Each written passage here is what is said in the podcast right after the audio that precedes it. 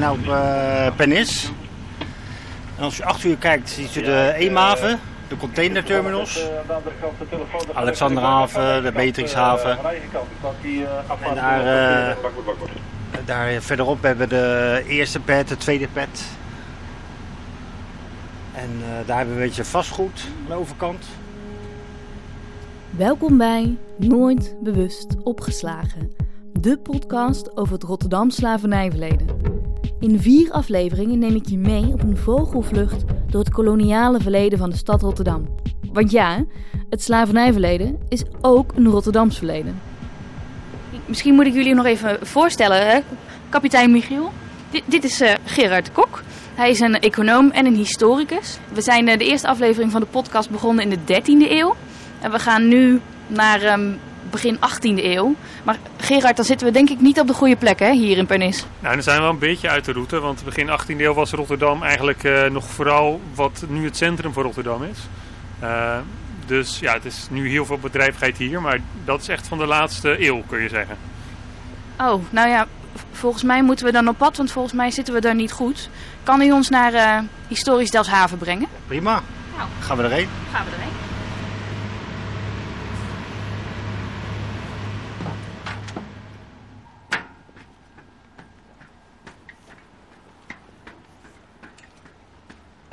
En dan staan we ineens in historisch Delfshaven, Gerard. Hier, hier was dus wel uh, bedrijvigheid. Hier was wel bedrijvigheid, ja, in de 17e en 18e eeuw, ja. Dus dit is, uh, hier komen we dichter in de buurt. En we staan hier voor het VOC-pand. Ja. Uh, is dit dan ook waar slavernij in Rotterdam samenkwam? Nou, in zekere zin wel. kijk, er zijn een paar dingetjes wel nodig om eerst te vertellen. Ten eerste, het VOC-pand waar we nu voor staan, dat was een uh, soort equipagepand. Dus dat wil zeggen, dat is onderdeel van de werf van de VOC. En eigenlijk van de VOC-afdeling Delft. Want Delfshaven was vroeger de haven van Delft. Uh, pas in de 19e eeuw werd het Rotterdams. Maar tegenwoordig is het natuurlijk gewoon Rotterdam. Dus Rotterdam heeft uh, eigenlijk twee VOC-afdelingen binnen de huidige stadsgrenzen. Namelijk de afdeling Delft, die zat hier in Delfshaven. En de afdeling Rotterdam zelf, die zat aan de andere kant van de stad. En de laatste nou, 10, 20 jaar zijn historici er wel steeds meer achter gekomen dat die VOC eigenlijk ook best wel veel met slavenhandel en slavernij te maken had. En vroeger was het veel meer slavernij, oh dat is uh, met Suriname, Curaçao en, en de VOC, ja, die, dat was toch peper en uh, uh, specie, andere specerijen. Dat, wat heeft met slavernij niet zoveel te maken. Maar dat is eigenlijk niet helemaal waar. Zou je wat kunnen vertellen over die bedrijvigheid die hier wel op een gegeven moment heeft plaatsgevonden? Zeker, zeker. Dus hier was de werf van de VOC, of een werf van de VOC moet ik zeggen. En nou, misschien heb je wel eens plaatjes gezien van die hele mooie VOC-schepen. Toevallig hier in Delfshaven uh, staan we nu naast een, een bord waar heel groot een uh, foto op hangt van zo'n VOC-schip of een replica daarvan. En er waren er veel meer van natuurlijk. Er zijn echt uh, honderden van gebouwd. Ook hier honderden? nou, in ieder geval tientallen. Ik weet niet precies hoeveel op deze plek. maar het zijn er heel veel geweest en ook heel grote. En dus daar waren wel uh, tientallen tot honderden mensen aan het werk. En dat gebeurde allemaal hier op de werf. En dus dat waren timmerlieden, maar ook smeden, touwslagers, nou, van alles. En dus er was hier een enorme bedrijvigheid, ja. Was het dan alleen hier of, of, of, waren die smeden dan ook door de hele stad aan het werk? Voor bijvoorbeeld de VOC-scheep of verder op de WC? ja, nou hier was, vond het meeste werk plaats. Uh, maar goed, die VOC had natuurlijk ook als ze een schip gingen uitreden bakkers nodig, bijvoorbeeld voor scheepsbrood, brouwers voor scheepsbier. En ja, dat kwam uit de hele stad. Dus zeker hier in Delfshaven zou je wel kunnen zeggen dat de VOC was echt heel belangrijk. He, dus iedereen hier uh, die hier woonde in de omgeving, die had wel een link met de VOC. Als ze er niet zelf aan leverden, dan voerden ze wel mee op de schepen van de VOC of kenden ze iemand die dat deed of... Uh, dus, dus dat was hier heel belangrijk, ja. Was Rotterdam groot in de slavernij? Uh, ja, wat is groot? Kijk, als je gewoon gaat tellen van hoeveel slavenschepen gingen er nou uit Rotterdam... dus dan heb ik het niet over die VOC-schepen, maar echt slavenschepen... ja, dan zul je natuurlijk altijd erachter komen dat er bijvoorbeeld uit Amsterdam of uit Zeeland meer schepen vertrokken. Want die waren toen gewoon groter. Maar dat is ook niet het hele verhaal, want Rotterdam die leverde bijvoorbeeld wel aan Zeelse slavenschepen. Dus dan waren de Rotterdamse leveranciers. Die leverden ik noem maar wat, uh, buskruid aan een zeelslavenschip. Nou, dat is dan eigenlijk een, een zeelslavenschip dat niet uit Rotterdam vertrok, maar wel degelijk is daar een link met Rotterdam. En dat moet je eigenlijk ook allemaal meenemen. Dus was Rotterdam groot in de slavernij? Nou, niet de grootste van Nederland. Ehm, maar ze waren er wel degelijk bij betrokken. Was Rotterdam er ook vroeg bij? Of kwamen ze later pas toen iedereen al geld verdiende hieraan? Nee, nee Rotterdamse uh, kooplieden waren eigenlijk de pioniers ook van, van de Nederlandse slavenhandel, zou je kunnen zeggen. Uh, een van de voorbeelden die ik heb gevonden is een, het oudste bekende schip met zwarte Afrikanen als slaaf dat in Nederland aankwam. Nou, dat, dat gebeurde sowieso niet zo vaak, hè, want mensen die als slaaf werden vervoerd, die gingen vaak naar een kolonie. Um, maar dat, dat kwam eind van de 16e eeuw aan in Middelburg. Dus niet in Rotterdam, maar in Middelburg. En is altijd gedacht van nou, dat was een schip dat is door Nederlandse kapers veroverd op de Portugezen. Dat was een Portugees slavenschip. En Nederland was toen in oorlog met Spanje en Portugal, de 80-jarige oorlog. En nou, dat zal daar wel mee te maken hebben gehad. Maar als je nu verder gaat kijken in de stukken, dan lijkt het er toch verdacht wel op dat dat gewoon een, een Nederlands slavenschip was. Uh, en sterker nog, dat er ook een heel sterke Rotterdamse link is. Dus dat de reder, dus eigenlijk degene die dat schip ja, de zee op heeft gestuurd en eigenaar was van dat schip, dat dat een Rotterdammer was. Of in ieder geval iemand die in Rotterdam woonde. Dus ja, Rotterdam was daar zeker heel vroeg bij. Als er geld in te verdienen was, dan waren die geheide Rotterdammers er gewoon bij al. Ja hoor, dan stonden ze op de eerste plaats. Ja, dat, uh, en uh, het was nog wel een heel onbekende tak, want we hebben eind 16e eeuw, hè, dus we hebben het over uh, heel lang geleden.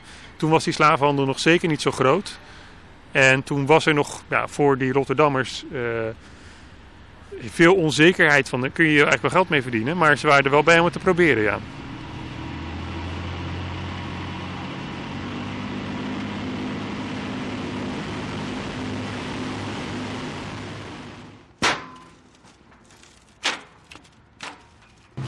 Staan nu hier in de, in de, in de Leuvenhaven.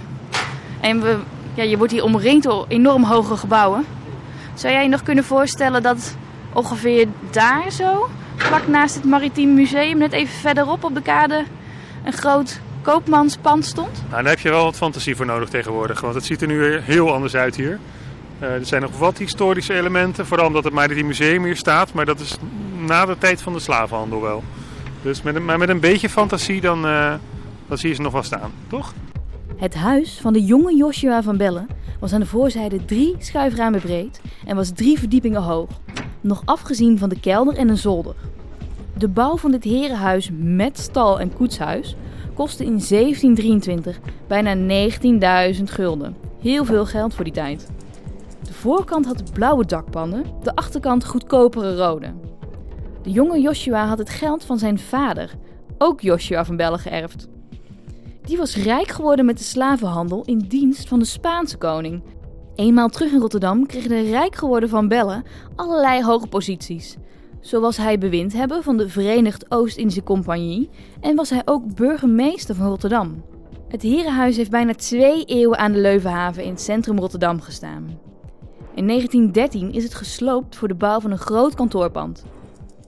Nu is het een industrieel plekje in Rotterdam dat omringd is door hoge gebouwen. Van de tijd dat hier herenhuizen stonden, is niets meer terug te zien. Natuurlijk was Van Bellen niet de enige die geld verdiend heeft aan de slavernij. Meer Rotterdammers zijn mede door de slavernij erg rijk geworden. Zo vertelt Alex Verstipriaan. Maar je moet je tegelijk ook voorstellen dat er niet zo heel veel koopliedenhandelaars, et cetera, waren... die zich puur en alleen bezighielden met slavenhandel, slavernij, et cetera. Dus um, ja, een goed koopmansprincipe is natuurlijk spreid je risico's. Um, en dat deden ze toen ook al. Dus er zijn heel veel mensen, uh, heel veel Rotterdammers actief geweest in uh, slavenhandel en slavernijproductie. En slavernijfinanciering, noem maar op. Um, maar die deden er dan ook vaak andere dingen bij. Ja, dat is één kant. En aan de andere kant zijn er ook heel veel uh, koopliedenhandelaars, et cetera, geweest... die um, waarvan je niet meteen zou zeggen dat die bezig waren met slavernij gerelateerde uh, handel. Maar wat wel degelijk zo was. Dus er waren uh, kooplieden die heel erg gespecialiseerd waren, bijvoorbeeld in de wijnhandel. En natuurlijk de bekende Schiedamse en Rotterdamse uh, jenever, de sterke drank. Um, dat werd overal naartoe geëxporteerd, maar in grote hoeveelheden ook naar de koloniën en voor de ruilhandel op de Afrikaanse kusten in de mensenhandel. Dus um, ja, er zijn heel veel Rotterdammers heel rijk geworden in de handel. En een deel van die handel was slavernij gerelateerd. Dus daaruit hoor ik ook een beetje zeg maar, dat het ook gewoon heel, wel heel erg verweven was met de economische structuur toen. Totaal. Ja, dus je, het is heel moeilijk om te zeggen, um, Rotterdam is, uh, heeft zijn ontwikkeling te danken of is gebaseerd op de uh, slavernij. Uh, laat staan dat je zou kunnen zeggen voor hoeveel procent dat is. Um, in 2,5 eeuw. Dat is eigenlijk niet te berekenen. Maar omgekeerd kun je wel zeggen, slaven, het slavernijsysteem was totaal vervlochten met de economie van Rotterdam. Zijn er dan ook nog nu... Uh, de naam van Bellen is bijvoorbeeld, zegt mij niet heel veel in de, in de stad Rotterdam op het moment. Maar zijn er nog families die, uh, die een familienamen zeg maar, toen al hadden en daarmee verworven waren? Ja hoor, als je, um, ik, ik heb bijvoorbeeld een, een lijst opgesteld van uh, ondernemers aan het eind van de, van de 18e eeuw, zo rond 1775. Um, en dan kom ik op 78 namen van handelshuizen, firma's, kooplieden, et cetera. En een heleboel van die namen die zijn er nog steeds. Uh, misschien niet als handelshuis, maar wel als Rotterdammers. En nou, de meeste Rotterdammers kennen natuurlijk wel de naam Roggesenstraat. Niet vernoemd naar het handelshuis wat met slavernij bezig was, maar naar de kunstenaar Roggesen. Maar dat was wel directe familie. Zoals er ook een Roggese minister van Koloniën is geweest, weer ietsje later. Rondom zo'n beetje de tijd van de afschaffing van de slavernij. Um, heel veel mensen kennen de naam Hudig van grote uh, scheepsassuradeurs die zijn toen uh, ontstaan. Die hebben hun eerste kapitaal gemaakt met um, financiering van slavenplantages en het, um, het, het uh, hoe zeg je dat, faciliteren van uh, slavenplantages, het inhuren van schepen, het verkopen van suiker, koffie, cacao, gemaakt met slavenhanden. Um, daar is hun eerste kapitaal gemaakt en die firma bestaat nog steeds. Zit helemaal niet meer in dat soort business, maar in de verzekeringen. Maar uh, ja, we kennen het allemaal. Dus echt in, in, met huid en haar zijn Rotterdammers en ook echt van hoog tot laag uh, betrokken geweest bij het slavernijsysteem. He, en we kennen natuurlijk vooral de namen van mensen um, ja, die toen tot de elite behoren van Jan met pet weten we meestal de namen niet. Maar zelfs die weten we voor een deel wel doordat ze soldaat waren en in allerlei soldijboeken terecht zijn gekomen.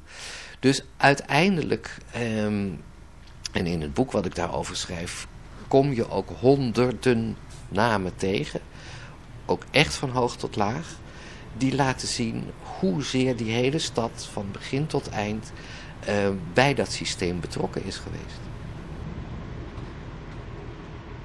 Dat was het laatste stukje varen voor vandaag, Gerard. We, we zijn uitgestapt hier bij Oostplein. Waar, waar, waar, kijken we nu naar? We kijken nu naar het Boerengat. En daar was vroeger, eigenlijk waren er meerdere scheepswerven gevestigd. En een van die werven was van de Rotterdamse Kamer van de VOC. Dus waar we net in Delfshaven stonden, daar was een scheepswerf van de VOC en hier was een andere. En dit was dan die echt, echt van Rotterdam was? Ja, dit was echt puur Rotterdam.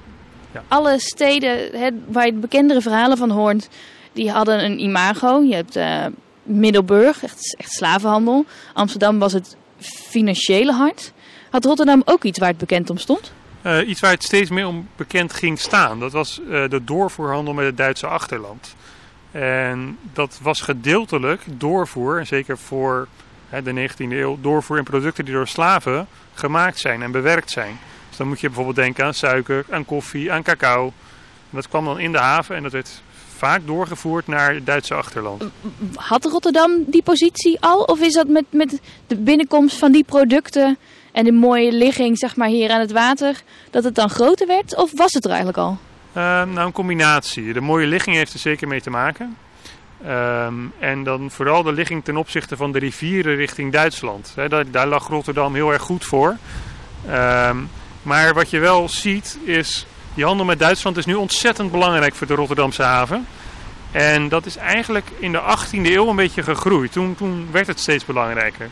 En opvallend is dat tegenwoordig gaat er vooral uh, kolen en van alles naar Rotterdam of naar het Duitse achterland. Maar toen was het dus vooral die koloniale producten. Dus dat, dat was echt heel erg belangrijk. Ik heb ook wel eens gehoord dat uh, in Rotterdam best wel wat bedrijven waren die uh, verzekerden. Dus dat je je menselijke waren dus kon verzekeren. Alsof je een pak koffie verscheept. Ja, dat klopt. Dus slavenhandel dat werd vroeger gezien als gewoon een handelstak. En ook een hele risicovolle handelstak voor degene die er geld in staken. Risicovol in die zin, uh, niet zoals als je slaaf bent, dan loop je de kans dat je doodgaat. Sommige mensen die investeerden in de slavenhandel zagen zich ook als slachtoffer als bijvoorbeeld uh, een opstand was op een schip of als er een epidemie uitbrak, want dan verloren ze geld. Nou, daar wilden ze zich wel tegen verzekeren. En er waren verzekeraars die, uh, nou, die wilden best slavenschepen verzekeren. En dat gebeurde zeker ook in Rotterdam. Nou, er zijn verschillende voorbeelden wel over Rotterdamse schepen of schepen die in Rotterdam verzekerd waren, um, waar het mis mee ging. Hè, die dus uh, uiteindelijk veel geld verloren en waar verzekeraars voor moesten opdraaien. Nou, Eén voorbeeld wat ik kwam, dat is dan in Middelburg, hoewel er misschien ook Rotterdamse verzekeraars bij betrokken waren. Uh, dat was een schip waar een opstand uitbrak. En uh, nou, de kapitein van dat schip dat wist niet zo goed, die wist niet zo goed wat hij moest doen.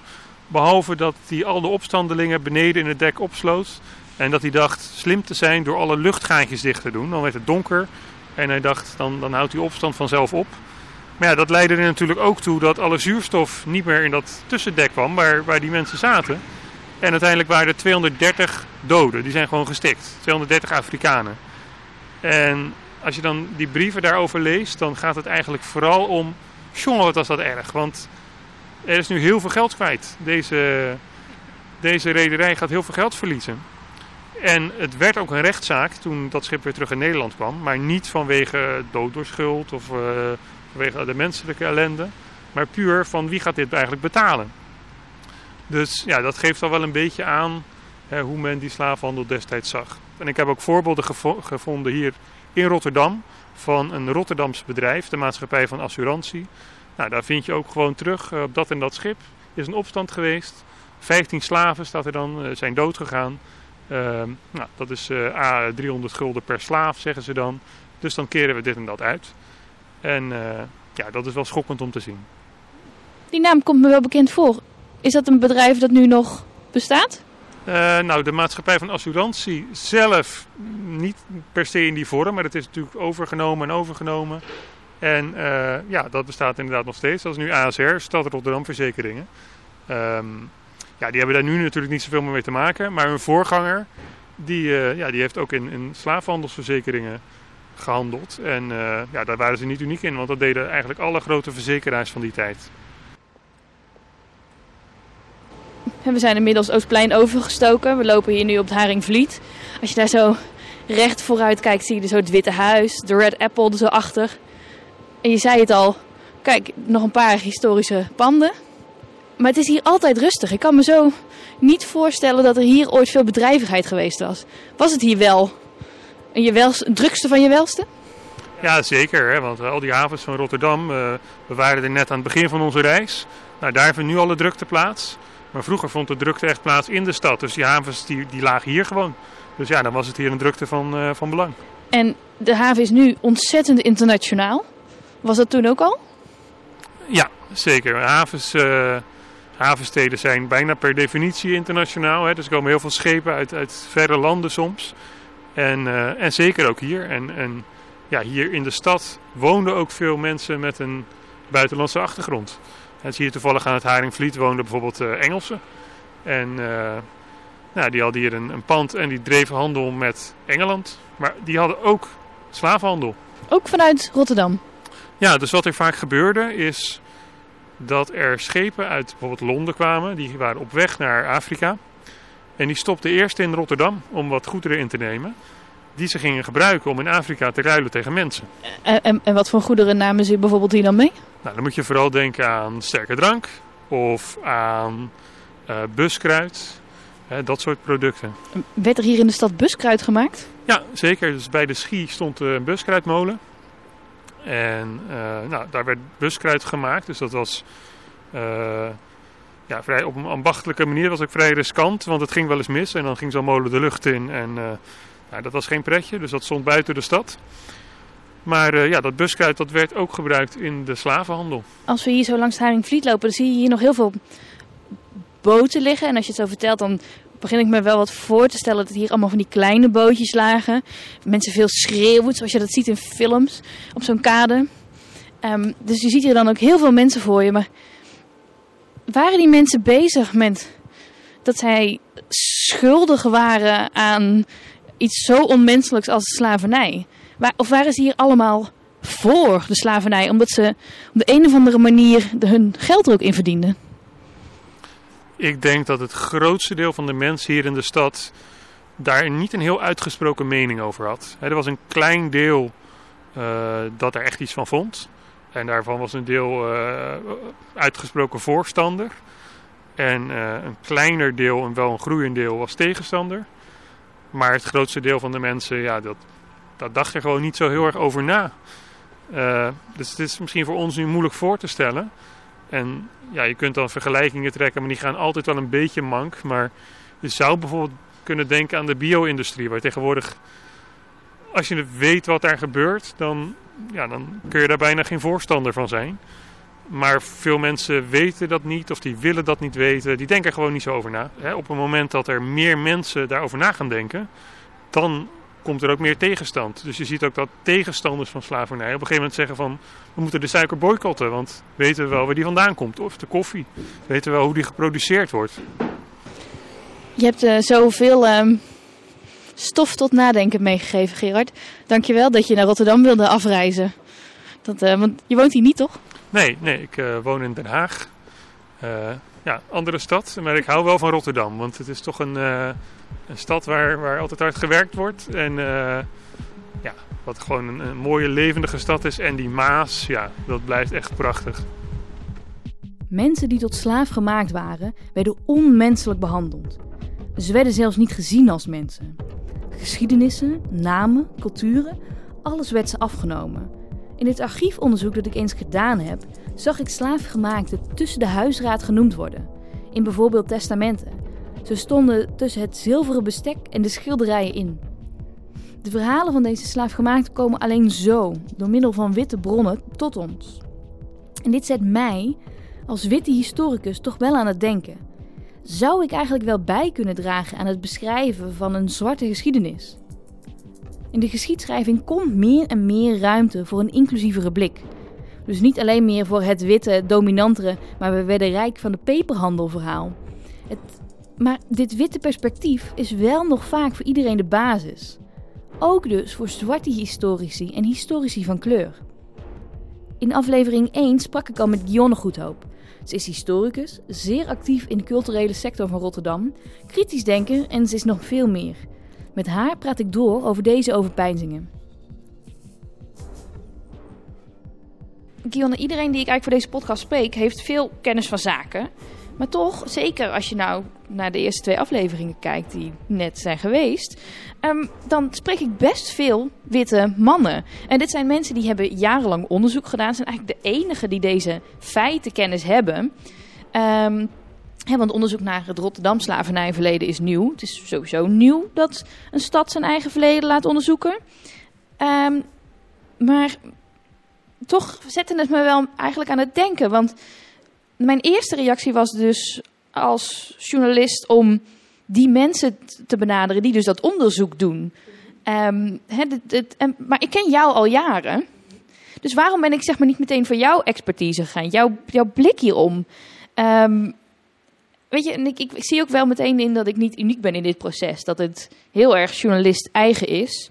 Maar ik, ik vraag me dan af, weet je wel, hoe denk jij hierover? Wat zegt dit over geschiedschrijving of over hoe we sowieso dit soort onderwerpen aanpakken? Mm, ik denk dat het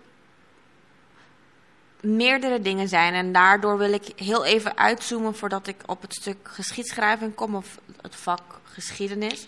En dat is namelijk nogmaals, um, uh, wat belangrijk is om te benoemen, is dat we dus eigenlijk moeten beseffen in wat voor kader kaderen we de geschiedenis. In wat voor kader kaderen we verhalen.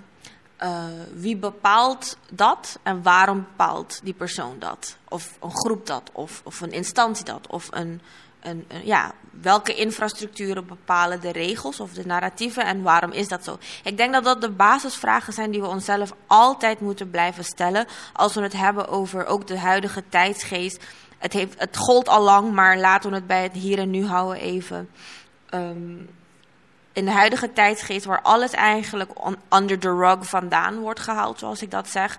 Uh, alle onderdrukte en erased narratives, pain, violence, uh, verhalen.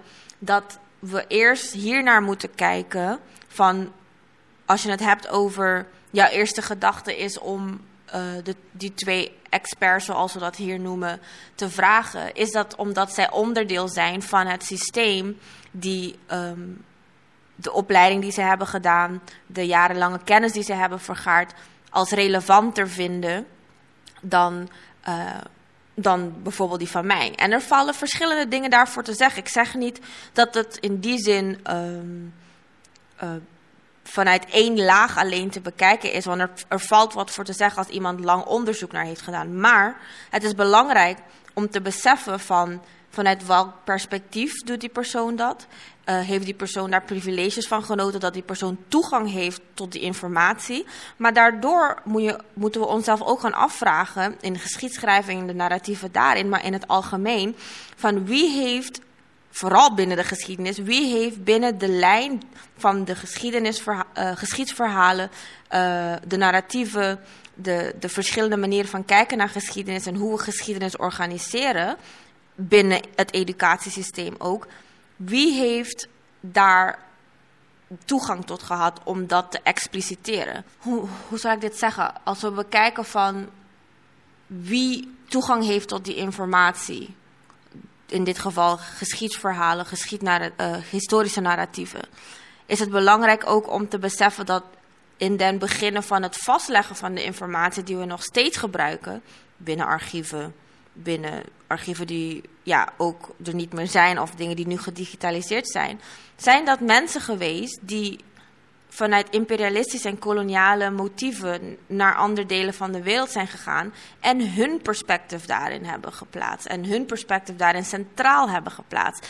En dat, is dan, dat zijn individuen geweest, maar dat is ook, it was driven, het was uh, gekaderd vanuit het systeem dat wij kennen als uh, vanuit de WIC of de VOC. En daar staat het kapitalistische en ontmenselijking centraal. Dus welke perspectieven of narratieven vind je terug? Nou, niet van degene wiens nazaten hier nu zitten, zoals ik dat ben niet, van, niet de nazaten van de slaafgemaakten. Die hebben die, of de, de voorouders hebben daar die archieven niet van geschreven. Nee, maar ook niet als we het hebben over contractarbeiders. Daar, daar, uh, daar hebben we het ook niet over bijna binnen de geschiedenis. Dat is ook een narrative die heel erg uh, vanished is. Ja, je zegt eigenlijk, als je dus de geschiedenis schrijft, of onderzoekt en beschrijft, dan bepaal je wat de geschiedenis is. Ja. Want dat, zo is het dan. Wat missen we dan als het alleen maar door witte historici wordt onderzocht? Los daarvan, ik wil, voordat ik deze vraag beantwoord, wil ik daarvoor ook nog een stap terug. Van, je hebt nu heel veel um, verschillende typen mensen met verschillende achtergronden, verschillende posities, economische posities, familiegeschiedenissen, noem maar op. Het wordt steeds zogenaamd diverser. Um, maar we moeten niet vergeten dat ik ben historicus. Alleen, ik leer nog steeds de geschiedenis bekijken vanuit een witte lens. Dus ik kan wel um, mijn eigen geschiedenissen en mijn eigen familieverhalen... die onderdeel zijn van deze geschiedenissen die ik leer of zelf onderzoek... of waar we het nu over hebben. Maar het narratief dat bepaald wordt, is nog steeds niet inclusief. Dus het is aan de ene kant is het een dynamiek van de long line of witte geschiedschrijving. Maar het is ook in het hier en nu dat we moeten kijken van welk narratief heeft eigenlijk, is een, een soort van losse entiteit of een losse uh, manier van denken en doen geworden, los van personen, zeg maar. Hoe bedoel je dat? Um, dus als ik boeken lees, dan lees ik nog steeds boeken van meestal witte mannen. Het narratief van hun, dat moet ik leren, dat moet ik in me opnemen. Dus het is nog steeds niet het narratief waar ik, of mensen als mij, met mijn belichaming en, en, en mijn geschiedschrijving of de diversiteit daarin, los van mij, zichzelf in terug herkennen. Dus, dus dan heb je, da, daar zit ook de valkuil in van denken dat een groep zoals de, zeg maar, mensen die historici zijn, dat dat misschien diverser wordt. Maar welk narratief, welke verhalen leren ze nou nog steeds van heel veel witte mensen? Dus we kunnen wel verder onderzoek doen. Maar de basis is nog steeds, nog steeds wit en daar moeten we ook kritisch naar kijken. Dat is, dat is juist het begin, zou ik zeggen. Dat is het begin en het gaat hand in hand. Ik zeg niet of of, het is en-en. En ik denk dat we daar vaak de mist in gaan. Dat we denken dat het alleen soort van het oppervlakkige is dat we diversere mensen daarin krijgen met diversere perspectief. Nee, waar leren we over? Wie heeft dat geschreven? Wees altijd kritisch over wat je leest dus. Want dat, dat heb je eerder gezegd, dat is altijd het punt. Wees altijd kritisch over wie heeft dit geschreven en waarom. Ja, en dat is heel vermoeiend om te doen als je in de samenleving en in de geschiedschrijving en in het vak en in de opleiding um, je nooit op die manier in, in, inherent gerepresenteerd voelt. Dus ook niet in de perspectieven, want het is altijd. Het narratief is, het is geschreven over andere volkeren. Dat is ook hoe um, bijvoorbeeld de antropologie tot stand, tot stand is gekomen in het Westen. Dat is letterlijk witte mensen die naar de andere kant van de wereld gaan en niet-witte mensen gaan bestuderen. Dus je objectificeert per definitie uh, degene die niet op jou lijkt. En dat is, dat is waar we het eigenlijk eerst over moeten hebben met z'n allen, vind ik. En hoe de geschiedschrijving wordt bepaald en wie de narratieven daarin worden bepaald binnen boeken, binnen, het, ja, binnen lesmateriaal, noem maar op. Ja, want om dan, dan de vraag net anders te stellen, wat missen we dan als het nu alleen een witte kant is van de geschiedenis. Wat missen we dan in de complete geschiedschrijving? Nou, alle, alle andere dingen die weggevaagd zijn. je, je, je, kijkt echt, ja, ja, heel veel, alles. Ja, yeah, because this is just a part of it. En um, dit is maar een perspectief. En ik denk ook dat we los moeten wrikken van uh, het zogenaamde westerse ideaal van objectiviteit, dat in mijn ogen niet bestaat als je het los van mijn persoonlijke mening, maar gewoon kijkt naar de systematiek die steeds duidelijker wordt dat er wit privilege is en uh, uh, witte perspectieven gewoon of uh, ja, witte narratieve dingen als wetten hebben bepaald, maar ook um, lesmateriaal, het geschiedschrijving. Welke belichamingen, welke mensen hebben dat geschreven zoals we dat nu kennen? Dat zijn meestal witte mannen. Um, dus dat is door de jaren heen, door de eeuwen heen, als objectief geworden. Of dat is het narratief geworden, maar daar staan we ook niet bij stil. En dat is dus het probleem. Want dan kan je wel mensen diverser in je, ja, in je vak laten komen, diversere mensen, maar ze hebben het nog steeds over de perspectief van die groep mensen, die witte mannen zijn die dat hebben bepaald. Al, al heel lang. dus ja we hebben nu gehoord dat uh, in deze podcast hebben Gerard en Alex veel verteld. Rotterdam heeft gewoon verdiend aan de slavernij. Rotterdam is dus mede mogelijk gegroeid door die inkomsten. Maar hoe is Rotterdam nog meer gegroeid, denk jij, dan door het koloniale verleden? Hoe bedoel je dat precies? Nou, zie jij die invloed? Weet je, ik zie het dus bijvoorbeeld nu terug in hoe groot de stad geworden is. Het was. Het begon in de 13e eeuw als een dam uh, in, uh, in de Rotte bij de Hoogstraat. En er werd meer handel en het groeide en het groeide. En het kon groeien omdat er geld verdiend werd. En dat kwam mede daardoor. Dus ik zie het onder andere in hoe groot de stad geworden is. Ja, ik snap wat je bedoelt. Ik denk uh, wat voor, voor de hand liggend is, het alledaagse uh, in wat voor type producten we terugzien en wat voor mensen er hier rondlopen. Um, dat dat voor mij dan de markeringen zijn waarbij ik zie hoe ja, hoe dat verleden met zich uh, ja, invloed heeft op het hier en nu van deze stad. Ehm, dat ik het daarin vooral ja, terugzie eigenlijk. De restaurants, de, de producten die je ook in de supermarkt hebt, de diversiteit aan huidskleuren, stijlen, talen, talen geloven, noem het maar op. Ja, ja daar zie ik het wel uh, terug. Maar dat zie je bijvoorbeeld ook in Londen, in uh, Bristol volgens mij ook. In Amsterdam zie je dat natuurlijk terug. Brussel. Allemaal westerse uh, steden die een sterke koloniale en imperialistische verleden hebben. Die, die dat verleden op die manier, ja, nu op die manier zien gemanifesteerd ook hier. Geschiedenissen werken door in het heden.